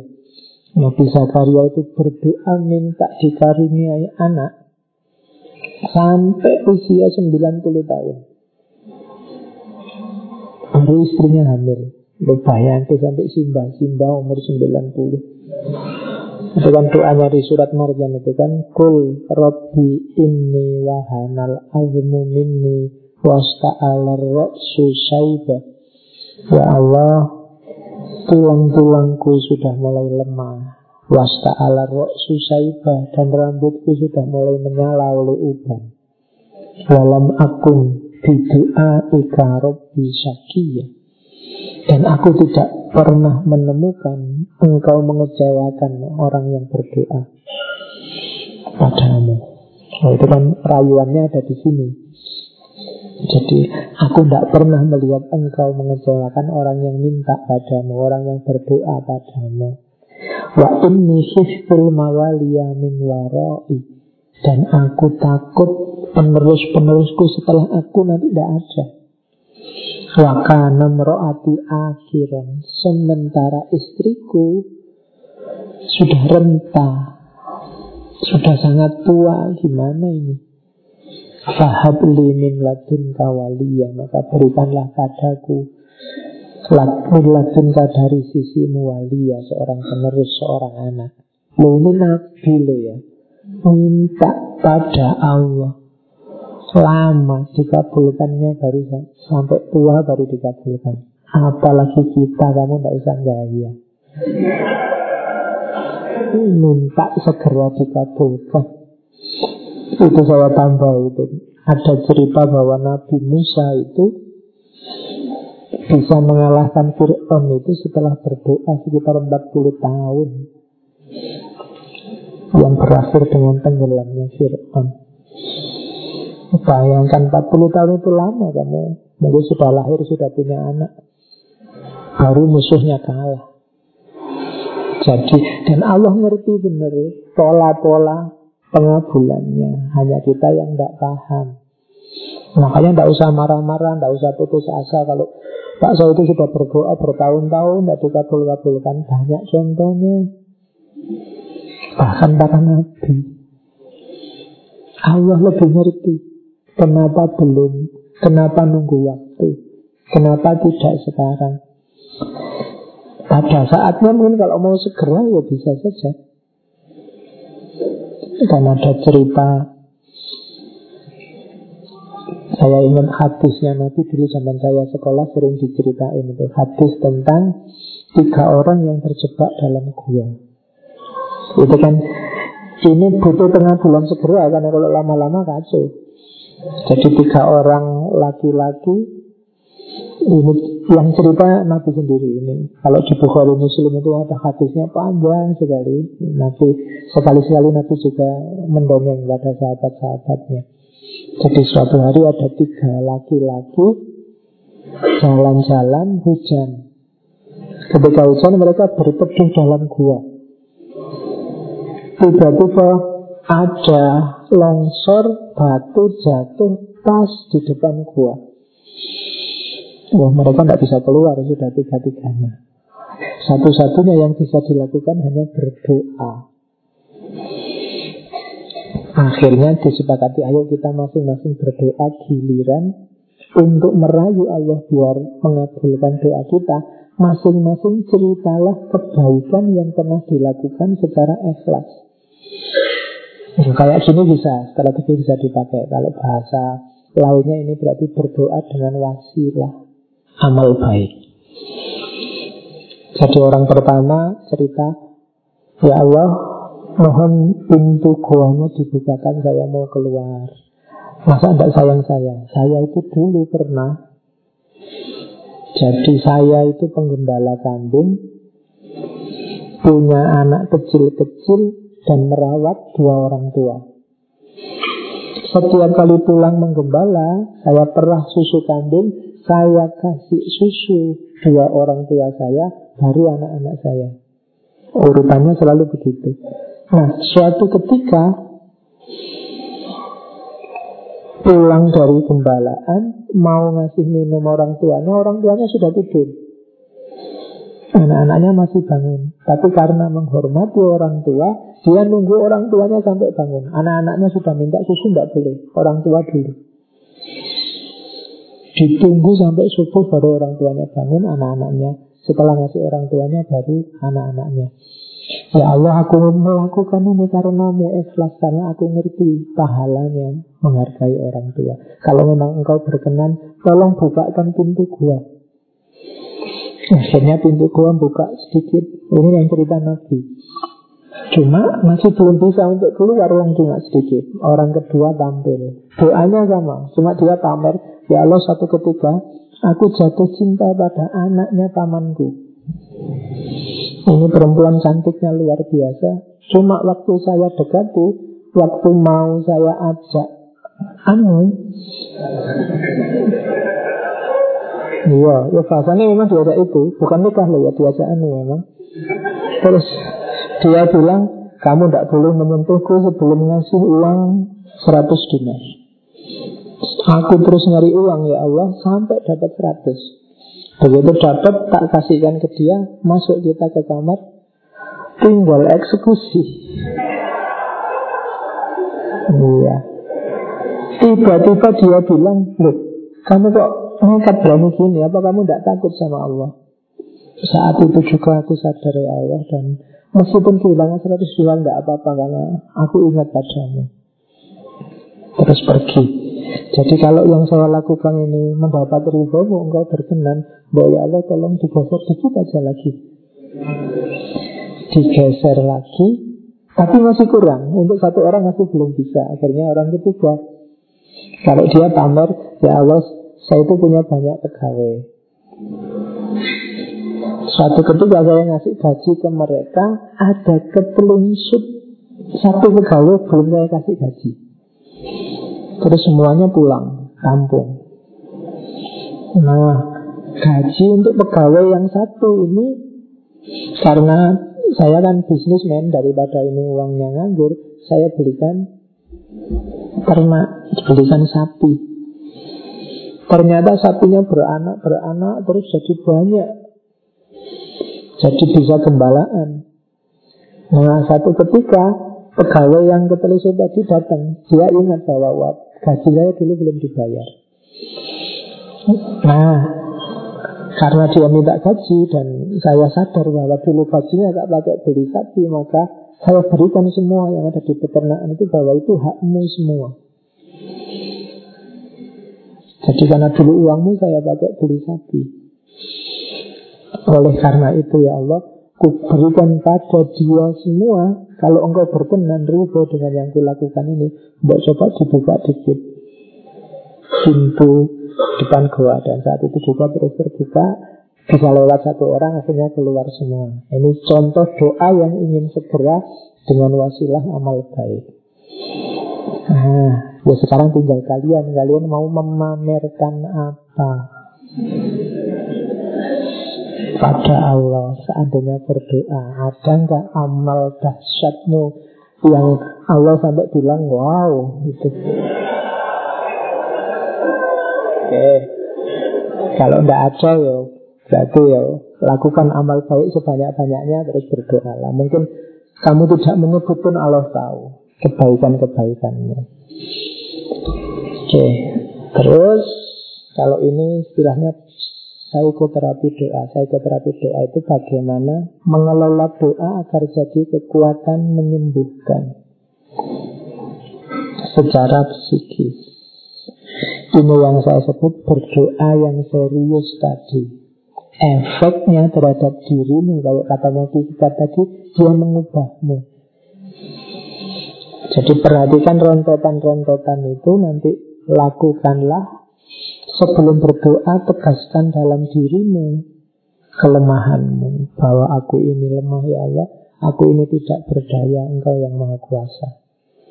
Sadari kekuasaan Allah bahwa dialah tempatmu bersandar satu-satunya. Tahap kedua, setelah itu baru tahap ngobrol curhat sama Allah. Ungkapkan segala galumu. Mungkin diawali dari munajat tadi. Jadi pembukaannya zikir dilanjutkan kemudian munajat, kemudian baru minta permohonan. Setelah itu tunggulah hasilnya. Cuma menunggu dalam rojak penuh harap pada Allah. Baru yang terakhir tawakal. Jadi kalau diurut zikir, munajat, Kemudian doa roja tawakal. Dan ini rentetan doa yang tidak hanya fokus pada terkabulnya yang diminta Tapi juga kesembuhan jiwa. Kalau setiap berdoa kamu begini Hidupmu lebih tentram Karena kamu setiap berdoa menegaskan bahwa kamu ini memang lemah. Jadi kalau ada macam-macam banyak masalah, kamu tidak galau karena ya memang kita manusia banyak kelemahan, ketidakberdayaan, keterbatasan.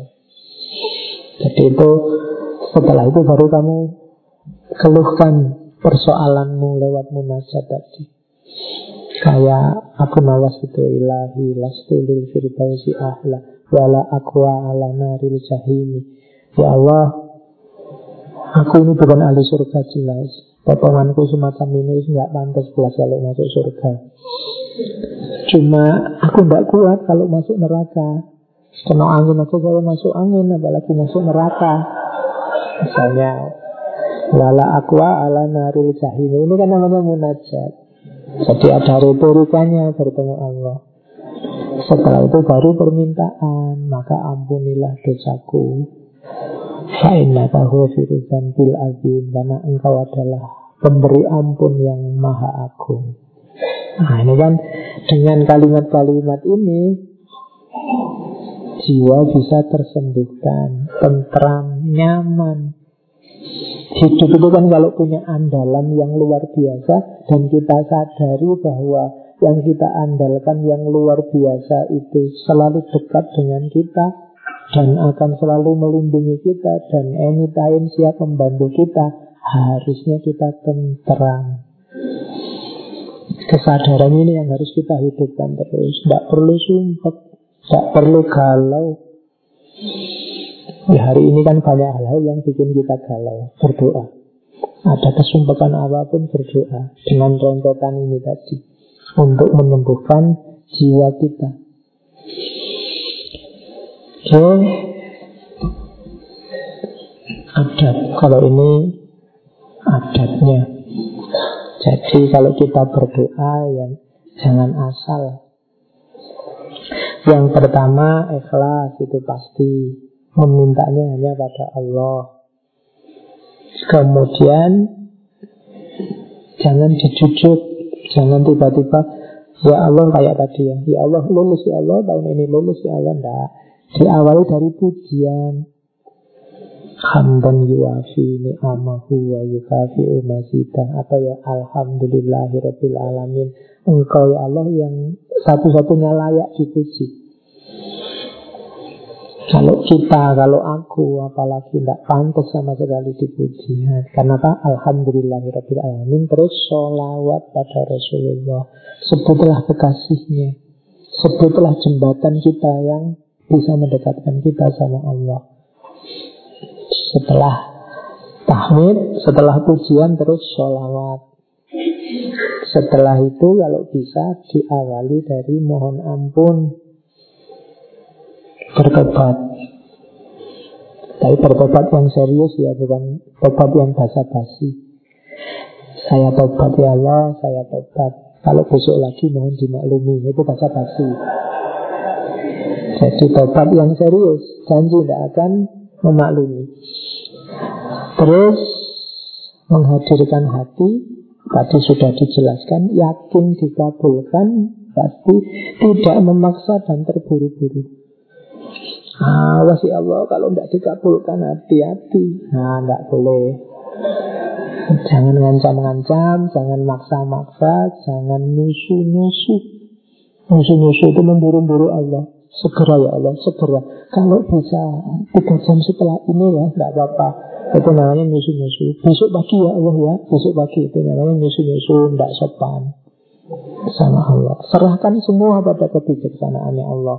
Kapan dikabulkan waktunya sebesar apa serahkan semuanya pada Allah terus tadi ya tidak mendoakan yang buruk-buruk untuk diri sendiri atau untuk orang lain kalau untuk diri sendiri mungkin jarang tapi sering kita mendoakan jelek untuk orang lain tidak beradab jadi adabnya doa itu ya mendoakan yang baik-baik untuk siapa pun. Kalau ada temenmu misalnya menurutmu salah atau keliru, doakan biar dia sadar dan kembali ke jalan yang lurus. Meskipun tidak harus kamu ucapkan di depan dia. Saya doakan kamu dapat hidayah. Ya. Kalau ini Kalau ini nggak mendoakan itu namanya Ya Semoga engkau sadar ya gitu. Nah itu nggak mendoakan ya Kalau memang menurut masalah Kamu menghadap ke Allah Ya Allah ini sahabat saya Aku sayang padanya Bukakan hatinya Tunjuki dia jalan yang lurus Tapi nggak perlu kamu cerita-cerita di depan dia Nanti itu dianggap melecehkan. Jadi Tidak mendoa yang buruk Apalagi orang lain. Dan rendahkan suara Tidak usah teriak-teriak. Ya kecuali imam biar jamaahnya kedengaran. Ya kamu tidak usah di kamar kos sendirian. Ya Allah nanti. Ya. Ya Lanjutannya itu Tidak memberatkan diri dengan bersajak Saya minta padamu ya Allah yang maha kuasa. Kemudian untuk mengampuninku yang serba lemah. Sehingga semuanya nah, ini harus alaki nih apa ngono. Nggak ada yang maksa harus puisi harus bersaja nanti kamu mikirnya jadi nggak baru-baruan nah, nggak usah maksa yang puitis nggak usah maksa yang bombastis nggak usah yang berdoa itu ke akar ketemu sama Allah jadi nggak usah sibuk dengan sajaknya, nggak usah sibuk dengan kalimat-kalimat bagusnya. Karena yang lebih penting adalah hadirnya hati. Tawaduk khusyuk khauf roja. Ini situasi batinnya. Tawaduk itu tunduk, khusyuk itu kestabilan batin, khauf itu takut, roja. Takut dimurkai Allah, penuh harap akan rahmatnya Allah. Nah, yang selanjutnya ini menentukan juga untuk terkabulnya doa kalau masih ada haknya orang lain yang engkau pegang secara tidak sah kembalikan. Kadang-kadang orang tanya saya Pak berdoa lama tidak dikabul-kabulkan. Coba diteliti. Ada ndak haknya orang lain yang terikut atau mungkin ada kesalahanmu pada orang lain yang jadi ganjalan. Mintalah maafnya dulu. Kemudian bersih dari makan minum kepemilikan yang haram. Jadi satu ketika Ali bin Abi Thalib itu memaki orang yang istighfar sembarangan. Jadi kan banyak sekarang orang ada apa-apa Astagfirullahaladzim Astagfirullahaladzim gitu kan. Terus dimati Ali bin Abi Thalib pakai kalimat Hatilatka ummuka. Hatilatka ummuka itu ya semacam matian Jadi beratnya ibumu Katanya Ali Istighfar itu Bukan atau kalau bahasa sekarang Pemutihan dosa begitu. Begitu istighfar terus dosanya bersih. Tapi ada tiang-tiangnya. Jadi ketika kamu istighfar Pastikan tiang-tiangnya lengkap. Yang pertama memang menyesal. Yang kedua niat tidak mengulangi lagi Yang ketiga kalau ada haknya orang lain yang ada di tanganmu berikan. Yang keempat, kalau dalam dirimu masih tersisa mungkin masuk makanan haram, kalau bisa ratapi itu bersihkan dan gusur itu dengan makanan halal sebanyak mungkin. Kemudian mujahadahlah katanya Ali sebagaimana engkau bersenang-senang dalam kemaksiatan, maka sekarang imbangi itu dengan susah payahmu dalam ketaatan. Baru kamu bisa mengklaim sudah istighfar yang benar. Jadi tidak sekedar di mulut. Nah, jadi itu itu di antara adabnya berdoa. Kemudian tidak berdoa yang isinya dosa. Ya Allah, semoga Engkau mengizinkan aku sama pacarku semalam saja ya Allah. Dan tidak ada orang yang tahu. Dan kita berdoa selamat dari kerobohannya. Ya. Jangan berdoa untuk hal-hal yang dosa. Jadi karena akan memberatkan dirimu pada saatnya. Dan yang terakhir istiqomah diulang. Kalau yang belum dikabulkan dan itu baik, ulanglah lagi, ulanglah lagi. Terus berulang. Itu adabnya orang berdoa. Terakhir, ini saya bawa ayat. Jangan lupa satu-satunya tempat berdoa hanya Allah, tempat minta tolong hanya Allah. Kita sudah deklarasikan itu setiap hari melalui surat Al-Fatihah. Iya karena butuh wa iya karena stain. Jangan dikhianati Fatihahmu dengan meminta pertolongan pada selain Allah. Wala tad'u min dunillahi ma la yanfa'uka wa la yadurruka. Fa'in fa'alta fa'innaka iwan minal zalimin. Janganlah engkau menyeru, janganlah engkau berdoa pada yang selain Allah yang pasti tidak bisa memberi manfaat atau bahaya padamu. Kalau tetap saja engkau melakukan itu, maka engkau berarti termasuk orang yang zalim. Wa iyam saskallahu bidurun fala kashifalahu illa. Wa iyuridka bi khairin fala radda li fadli. Kalau Allah memberikanmu mudarat bahaya, maka tidak ada yang bisa membersihkannya kecuali Allah sendiri. Dan kalau Allah menginginkan kebaikan padamu, maka tidak ada yang bisa menolak keutamaannya. Yusibu bihi mayasha'u min ibadi. Allah memberi musibah, memberi ujian pada hambanya yang dikehendaki. Cuma akhirnya wahwal wafurur rahim. Allah itu maha pengampun dan maha penyayang. Maka jangan lupa Satu-satunya poros Pusat perhatian, pusat konsentrasi. Fokus kita sehari-hari Hadirkan selalu Allah dalam hidupmu. Itulah hakikatnya doa. Oke, Alhamdulillah materi kita selesai malam hari ini tentang doa. Mungkin lain waktu kita potong-potong lagi temanya mungkin doa atau zikir menurut para ulama, menurut tokoh-tokoh tertentu. Oke, saya akhiri sekian. Ketemu lagi insya Allah Rabu depan. Wallahul muwafiq. Wallahu a'lam. Wassalamualaikum warahmatullahi wabarakatuh.